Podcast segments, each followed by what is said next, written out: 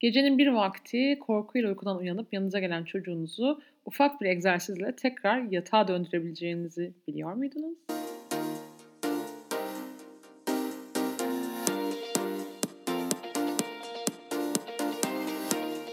Herkese merhaba. Podcast'imin yeni bölümüne hoş geldiniz. Ee, bugün bir konuğum var ve konuğum aslında siz tanıyorsunuz zaten. Ee, daha önce de podcast'ime konuk olmuştu. Sevgili Sermin Erk bizlerle. Ee, hoş geldiniz. Hoş bulduk. Çok teşekkür ederim. Yeniden evet. konuk olduğum için size evet, çok, çok çok mutlu oldum ben de. Ee, sizinle daha evvel çektiğimiz mindfulness'la ilgili annelere neler yapabileceklerini anlattığınız bölüm çok sevilmişti. Ee, orada çok ufakta hani çocukların da mindfulness ile e, kendilerini geliştirebileceklerini konuşmuştuk. E, bundan dolayı yeni bir bölüm çekmeye karar verdik Selmin Hanım'la.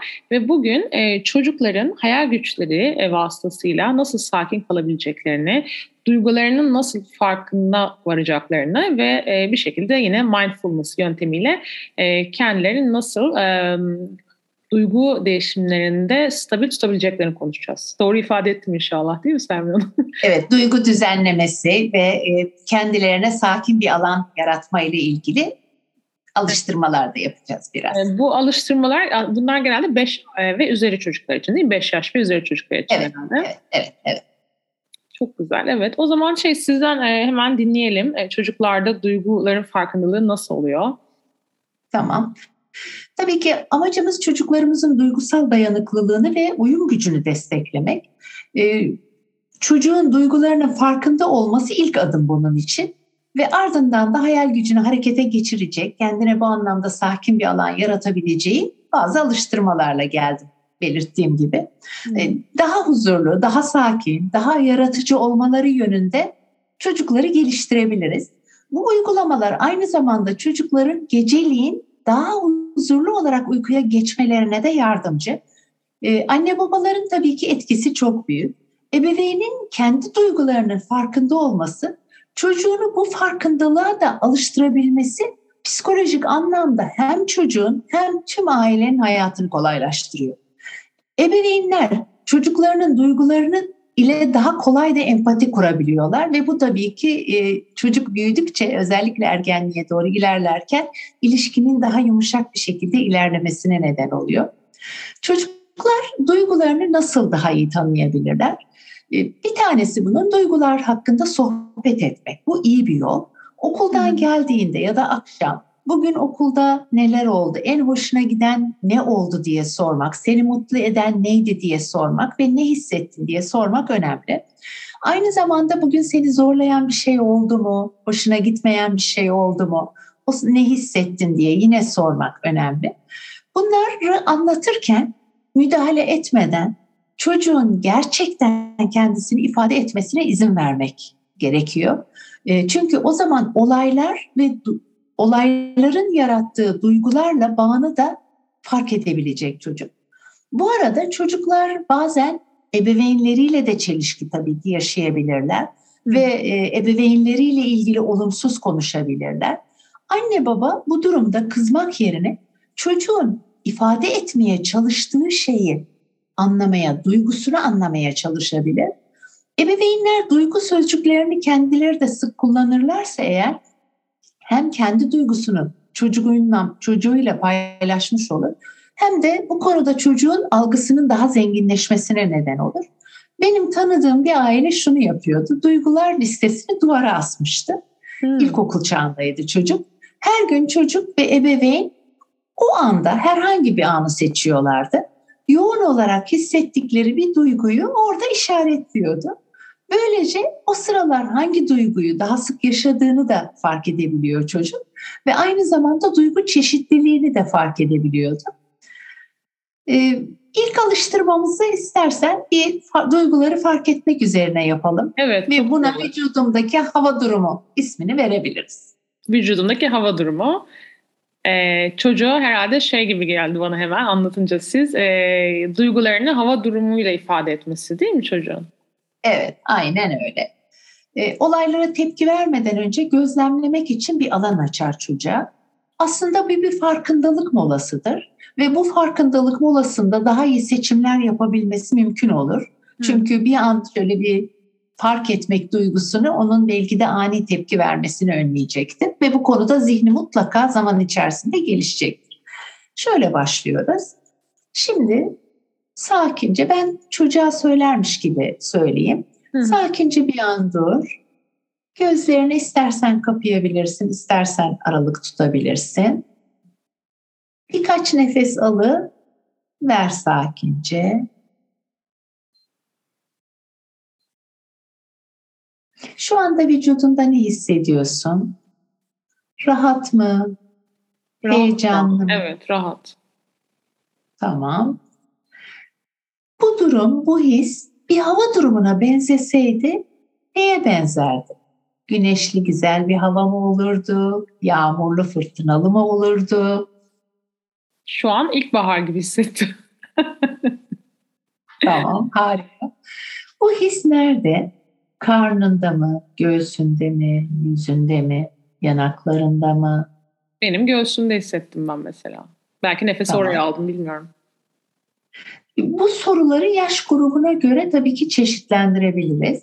Peki şöyle bir bedenini dinlediğinde bir rengi var mı? Bir şekli var mı? Hmm, renk mavi gibi geldi ama şekil pek gelmedi aklıma açıkçası. Tamam. Sıcak mı, serin mi? Ilık. İlkbahar. Tamam. Tamam. Bu duyguya bir isim verebilir misin? Hmm. İsim nasıl oluyor? İsim yani özel İşte o çocuk eğer tablodan duyguların çeşitliliğiyle ilgili biraz alıştırma yaptıysa duyguyu isimlemesi burada çok kolay olabilir. Hmm. İsterse ebeveyn küçük bir çocuksa duyguyu kızgınlık, sevinç, ha, direkt olarak duygunun, da duygunun ismiyle anladım. Evet. Lazım. Ama onun yerine daha farklı bir şey de seçebilir. Tamamen bir e, çizgi film karakterinin ismini de verebilir duyguya. Evet. Peki Sermin Hanım, Bu da bir e, mesela şimdi çocukların yaş grubuna göre verdiği cevaplar değişebiliyor dediniz. Peki evet, verdiği değişir. cevapları anne baba yani bu egzersizi yaptırdı. Çocuk hani kendi farkındalığına vardı ama mesela verdiği cevaplardan aile e, bir yorum yapabilir mi? Örneğin çocuk dedi ki ben şu an işte yağmurlu bir kış günü hissediyorum hava durumu. O zaman aile şey mi ne anlamalı yani? Mesela ilkbahar dediği zaman ne anlamalı? Hani bunların var mı bir cevabı? Şöyle ilk başlarda bence hiç yorum yapmadan izlemekte ve dinlemekte yarar var. Çünkü ebeveyn yorum yapınca orada kendi duyguları da katılabilir hmm. işin içerisine ve çocuğun kendine bir dahaki sefer daha rahat ifade etmesini bu engelleyebilir. Hiç yorumlamadan, yargılamadan dinlemekte fayda var. Bunu çocuk yaptıkça alışacaktır buna ve o zaman ani olaylar olduğunda kendisi artık otomatik olarak bunu yapmaya hmm. başlayacaktır. Çünkü davranışı ne kadar çok tekrarlarsak artık o oluşu, e, alışılmış ve otomatik bir davranış haline gelir. Bizim evet. de amacımız ani tepkiler yerine bir anlık molayı artık alışılmış bir davranış haline getirmek. Evet o zaman e, bu egzersizde mesela çocuk e, duyguyu neye benzetiyorsun dediniz ya şekil olarak mesela daire evet. veya işte üçgen dedi falan bunların aslında evet. çok bir önemi yok değil mi cevabın yani? Çok bir önemi yok. Ee, önemli olan o duyguların değişebileceğini, gelişebileceğini görmesi. Hatta her gün farklı izlenimler edinebilir. Aynı izlenimler de olabilir. Onun da bir önemi yok. Ama her birinin e, var olup yok olabileceğini, sadece o güne ait olabileceğini, bu deneyimi yaşarken çıkan sonuçların o gün yaşanmış olan pek çok şey tarafından etkilenebileceğini, Hani karnı toktur, açtır, tam o sırada evet. yorgundur, değildir, uykusunu almıştır, almamıştır. Bütün bunlar cevapları etkileyeceği için biz Hı. her cevabı o güne özgü diye kabul ediyoruz ve mindfulness'ın en temel ögelerinden bir tanesi olan yargılamadan kabul ediyoruz ve nazikçe izin veriyoruz olmasına. Evet. Bu, bu çok çok çok önemli. Evet o zaman anne babalar veya işte yap, bu egzersizi yaptıran büyükler e, yargılamadan çocuğun e, kendi duygularının farkında olmasına izin verecekler ve bu çocukta bir alışkanlık yaratacak zamanla değil mi? Çok güzel söylediniz. Evet. Peki e, dediniz ki e, çocuk işte bu duyguların hani geçici de olduğunu anlayacak. Yani duyguların geçiciliğiyle ilgili de biraz konuşmak istiyorum ben. E, duyguların çocukların hani üzgün oldukları zaman, sinirli oldukları zaman e, şey diye bir olay var değil mi? Hani sizinle bunu konuşmuştuk. E, duygular belli bir süre herkeste kalıyordu değil mi? Evet, evet çok e, duygular yaklaşık 90 saniye kadar e, deneyimleniyor. Yerini başka bir duyguya bırakarak terk edebiliyor vücudumuzda. Burada tabii ki kritik bir nokta var. Çocuk aynı düşüncelerde kalırsa 90 saniye sonra gelecek olan duygu yine benzer bir duygu olacaktır. Evet. Doğru. Ve o döngünün içerisinde kalabilecek çocuk. Hı. Bu durumda takılıp kalabilecek bedeninde ne varsa bir hava durumuna benzetmesi, onu ifade etmesi, onu fark etmesi o 90 saniyelik süreyi aşmasını sağlayabilir ve dikkatini farklı bir yere verince yani kızgın olduğu kişiye değil de örneğin bedenindeki hislere verince dolayısıyla dikkatini başka yere verdiği için arkasından gelecek olan duygu durumu da daha sakin, daha yatışmış olabilir. Biliyoruz ki beynin plastik bir özelliği var. Hmm. Her düşüncemiz, her sözümüz, duygularımız beynimizde yeni bağlantılar oluşturuyor ve beynin yapısını değiştiriyor. Hmm. Bir davranışı, bir düşünceyi ne kadar çok kişi tekrarlarsa o kadar tabii ki yerleşiyor, alışkanlık oluyor. O nedenle e, çocuklarımızın da bu alıştırmaları her gün ufacık da olsa yapması onda bir alışkanlık biraz önce belirttiğim gibi olmasını sağlayacak ve duyguların geçici olduğunu kendisi deneyimleyerek öğrenecek. Evet. Daniel Siegel bütün beyinli çocuk kitabında zorlayıcı duyguları e, kita- sağanak yağmurlara benzetir. Ve diyor ki yağmurda ıslanırız diyor belki ama sonunda mutlaka güneş açar. İşte evet. çocuk da bütün bunu deneyimledikçe o geçiciliği yaşayarak öğrenir. Evet. Bir de dikkatini e, herhalde doğru yere vermesi de önemli değil mi çocuğun? E, kendi huzurunu bulabilmek adına. Yani dikkatini neye verdiğimiz e, beyni e, değiştirir demiştiniz siz. Çok on, e, doğru. Beynimiz bir ilkeye göre çalışıyor. Yani değişim beynimizdeki. Bu ilke ne? Bu ilke dikkati nereye verdiğimiz. Dikkati kaygıya, korkuya verirsek onu besler büyütürüz. Süreklilik kazanır. Uykuları bozar. Zihnimiz ancak bir anda bir tek düşünceye odaklanabildiği için daha yapıcı, daha sevinç verici, çocuğu e, duygusal olarak iyi hissettiren tabii ki düşünceler ve beraberinde gelen duyguları deneyimlemesi ona güç katacaktır. Var olan duygusu eğer bir kızgınlık, bir öfke ise bunu görüyoruz, kabul ediyoruz. Öncelikle yargılamadan kabul ediyoruz. Ondan sonra düşüncelerin dikkatini farklı bir yere yöne çekerek arkasından gelecek olan duygu durumunu da daha e, olumlu yönde yönlendirebiliriz. Dikkatini yönetmeyi öğrenir çocuk bu şekilde ve evet. daha sakin bir alana, özündeki o sakin merkeze çekebilir. Ve gerçekte aslında bir hayat becerisi kazanır beraberinde. Dikkatini ve odaklandığı yeri değiştirirsen duyguların değişir. Evet. Ee, uykuya, geçerken, uykuya geçerken de sanıyorum bu önemli değil mi? Ee, o zaman çocuk dikkatini e, mesela ben kendim de yani hani e, aklıma böyle kötü düşünceler geldiği zaman bazen e, mesela benim için şeydir e, hemen deniz hayal ederim. Çünkü denizi çok sevdiğim için böyle hani okyanus, açık mavi bir deniz bunları hayal ederek dikkatimi daha güzel şeylere çekmeye çalışırım. Sanıyorum hani çocuklar uyku öncesi de sakinlik işte o duyguların yönetmesi önemli dedi ki herhalde dikkatini böyle çocuk da daha huzurlu güzel şeyler verirse daha rahat uykuya dalabilir değil mi bu tip zamanlarda? Evet tam tam olarak bu zaten. Tam olarak bu. Demek ki harika bir yöntem kullanıyorsunuz. Valla öyle yapıyorum. Evet, ama ben bilmeden yapıyordum. Şimdi onaylandı sizin tarafınızdan. Daha da mutlu oldum yani. ben de yaptığım araştırmalarda. Evet. Evet. Peki o zaman hayal gücüne biraz gelelim istiyorum. Hayal gücü duygularını düzenleme aracı olarak hayal gücünü kullanmak. Bununla ilgili evet. nasıl yardımcı olabiliriz çocuklara? Şöyle ki sizin hani nasıl denizi düşünüyorum dediğiniz tam anlamıyla bu aslında. Bu alıştırmalar e, aynı zamanda ebeveynle çocuğun nitelikli zaman geçirmesine de zemin hazırlar. Hı. Böyle bu pratikleri önerim şu ki önce sakin zamanlarda yapmaları, ilişkileri iyi bir durumdayken yapmaları önemli. E, her seferinde daha kolay yapacaktır ve yöntemi kendisi de öğrenecektir. Hı hı. Şimdi bu konuda yapılabilecek araştırmalar var. Bu araştırmalar, araştırmalar sonucunda bazı egzersizler elde edilmiş. Bir tanesi şu, e, çocuk kaygılandıran bir durum olunca yapabileceği bir balonlar alıştırması var örneğin. Hı. Sakince oturuyor veya uzanabilir çocuk ve bir demet balon tuttuğunu hayal ediyor. Renklerini sorabiliriz. Rengarenk olabilir o balonlar. Arkasından kaygılandığı sırada bedeninde ne hissediyorsun diye soruyoruz. Biraz önceki o duygunun farkındalığındaki sorular hep temel sorularımız. Hı hı. Bu his nerede? Ne renk? Bir şekli var mı? Rengi ve şekli yok diyorsa onu da kabul ediyoruz. O sıradaki deneyimde yoktur.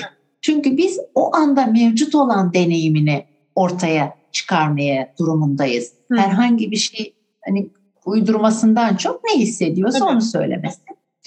E, bu kaygı duygusunu bedeninde önce nerede hissettiğini deneyimlettikten sonra e, koluna ve eline doğru aktığını ve bir balona doğru gittiğini hayal ettiriyoruz. Hı. Bedeninden koluna doğru yavaş eline doğru kaygı toplanıyor, toplanıyor, toplanıyor ve elinden tuttuğu balona geçiyor. Hangi renk balonu istiyorsa. Hı. Ve o sırada balonu tutup şöyle bırakıp ipini gökyüzüne doğru serbest bıraktığını hayal ediyor ve balonla birlikte kaygıdan da uçarak uzaklaşıyor.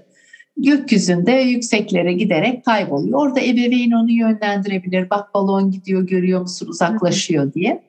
Başka bir kaygısı varsa yine bunu aynen devam edebilir. Yükseldiğini ve uzaklaştığını. Bu tamamen sembolik bir çalışmadır tabii ki.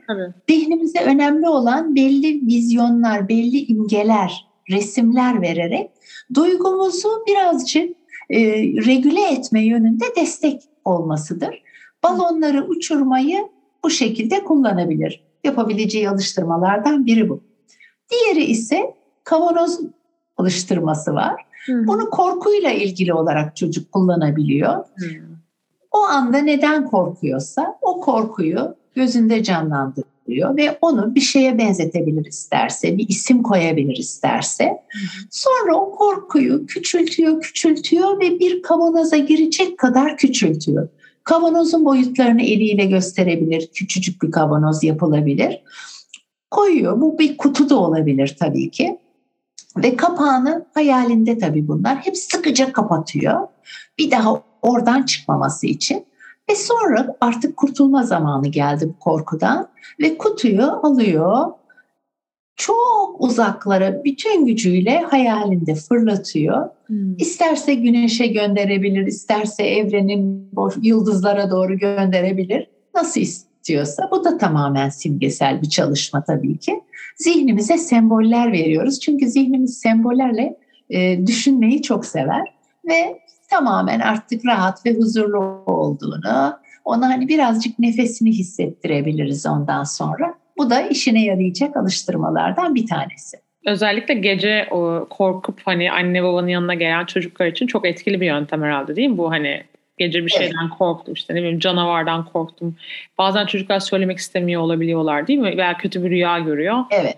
E, herhalde o evet. sırada işte seni korkutan her ne varsa onu kavanoza koy diye bu egzersiz onu tekrar rahatça yatağına dönmesini kolaylaştıracaktır. Kolaylaştırır tabii. Bunu e, sık sık yaptıkça daha da insan uzmanlaşır ya bir konuda evet. sık yaptık. Aynı şekilde çocuk için de bu öyle olacak. Hatta belki çocuklar çok çabuk alış, alışkanlık kazandıkları için mesela birkaç kere aileyle yapıp sonra bence kendileri bile yapabilir yani. Mesela korktuğu zaman anne babanın yanına Tabii. gitmek yerine kendi kendine öyle şey. Ben çünkü çocukların alışkanlık kazandığına inanıyorum. Yani bu zaten bebeklerde işte ne bileyim uyku alışkanlığı, düzenli hayat falan gibi yani bunlar bilimsel gerçekler zaten ama hani bu tip e, artık ileri yaşlarda karşımıza çıkan zorluklarda da mesela çocukları bu şekilde dediğiniz gibi eğitir buna alışkanlık kazandırırsak nasıl kendilerini uyutabiliyor bebekler hani öğrendikten sonra kendi kendine rahatlatmayı yatakta e, aynı şekilde bence çocuklar da korktuktan sonra bu yöntemler alışınca hani e, daha az korkabilirler veya bunları işte çok imgelerle anlattığımız için belki aslında korkacak bir şey olmadığını anlayabilirler. Hani hayal gücünde olduğunu anlayabilirler. Bence e, sadece duygu açısından değil ama hani çocukların e, hayal gerçekten hayal gücüyle farkındalık yaratmak için bence mükemmel bir egzersiz olmuş. Ben bile şu an aydınlandım. gerçekten beni de aydınlattı. Gerçekten etkili egzersizler. Evet. Bir diğeri de güvenli alan uygulamasıdır. Hı hı. E, bu da gençlerle ve çocuklarla çokça yapılır. Şöyle ki zihninde kendisine bir güvenli alan yaratıyor. Bu hayatında daha önce gördüğü bir yer olabilir veya da tamamen hayali bir yer olabilir. E, orasının nasıl bir yer olduğunu ona tek tek anlattır hani anlatmayabilir, sadece hayal edebilir. Hı hı. İsterse sizinle de paylaşabilir ve yaptıktan sonra da isterse bir kağıda bunun hayalindekileri çizebilir, bir e, resim haline getirebilir. Bu da güzel bir etkinlik olabilir. Güvenli alan uygulaması da şöyle. Yine e, kendini iyi hissetmediği zaman belki güvenli bir yer hayal edebilir. Yavaş yavaş derin derin önce nefes bir iki nefes alabilir. Sonra sakin nefesiyle devam edebilir. Ve yine bedeninde herhangi bir gerginlik hissediyorsa nerede, bir şekli, rengi var mı, bir isim vermek istiyor mu diye bunlar temel sorularımız. Bunları soruyoruz. Arkasında yavaş yavaş bulunduğu yeri ona hayal ettirebiliriz. Nasıl bir yer? Tamamen güvenli olduğunu özellikle söyleriz ve istemedikçe o çağırmadıkça başka hiç kimsenin oraya gelemeyeceğini, sadece ona ait huzurlu bir yer. Belki bir güzel bahçe, belki bir deniz kenarı olabilir, bir nehir kenarı olabilir. Çocuk nasıl istiyorsa, belki de okuduğu masallardan bir sahne olabilir. Burada tamamen güvenli bir şekilde oturabileceğini, durabileceğini, oynayabileceğini ve ne isterse yapabileceğini ona anlatırız. Ve adım adım başlarız. İşte hangi mevsimdeyiz, nasıl bir yer, neredesin, e, ayaklarının altında kum mu var, çim mi var, üstünde ne var, ne giyiyorsun, yürüyor musun, oturuyor musun, çevrende çiçekler var mı, güzel kokular var mı, güzel sesler, kuş sesleri olabilir örneğin ya da dalgaların kıyı okşayan sesi olabilir. Bütün bunlar belki teninde hafif bir rüzgar hissedebilir. Aslında çocuğun yaratıcılığını da geliştiren sorular olur bunlar aynı zamanda. Beş duyusuna hitap edecek şekilde zenginleştirebiliriz bu hayalindeki ortamı. Tatlar bile ekleyebilir. Belki bir ağaçtan bir şey koparıp yiyebilir. Hı hı. Ee, burada işte bulunduğu ortamı hayal ettikten sonra yine her istediğinde dönebilir. Kendisini kuvvet toplamış olarak ve bu güzel yerde bulunmanın zihninde yarattığı görseli bir kağıda boyayabilir, çizebilir. İsterse ebeveyne anlatabilir. Ve her zaman dönebileceği bir alan olacaktır. Bunu hayal ettirmek de güzel olur. Belki birlikte gidilmiş olan bir tatilden bir anıda hmm. birlikte evet. yapılabilir çocukla birlikte. E, bu durumda ebeveyn de orada neler olduğunu bildiği için daha kolay zenginleştirebilir. E, ilk başlarda bu da destek olabilir çocuğa. Bunda, bu da yapılabilir. Bu konuyla ilgili Spotify'da Selmin Erk adı altında üç tane çocuklarla yapılabilecek uygulama var Ayşegül Hanım. Çok Onları güzel. da ebeveynleriyle birlikte dinleyebilirler. Bir tanesi mutlu bir anı, diğeri hayatımdaki iyi şeyler, diğeri de sevinçli anılar. Üç uygulama evet, bu yaş, küçük yaş grubuna da uygundur. Ah süper. Oradan dinleyip de direkt uygulayabilirler farklı egzersizleri. Çok iyi. Evet. Ben de şey soracağım Selmin Hanım. Şimdi e, korku duygusunu çocuklarda anlayabiliyoruz. İşte korktun diyebiliyor, uykudan uyanabiliyor. Ama mesela kaygıyı e, nasıl e, tarif edersiniz? Yani kaygı, e, hani kaygı için egzersiz önerdik ya mesela balon yolluyoruz kaygıyı uzaklara.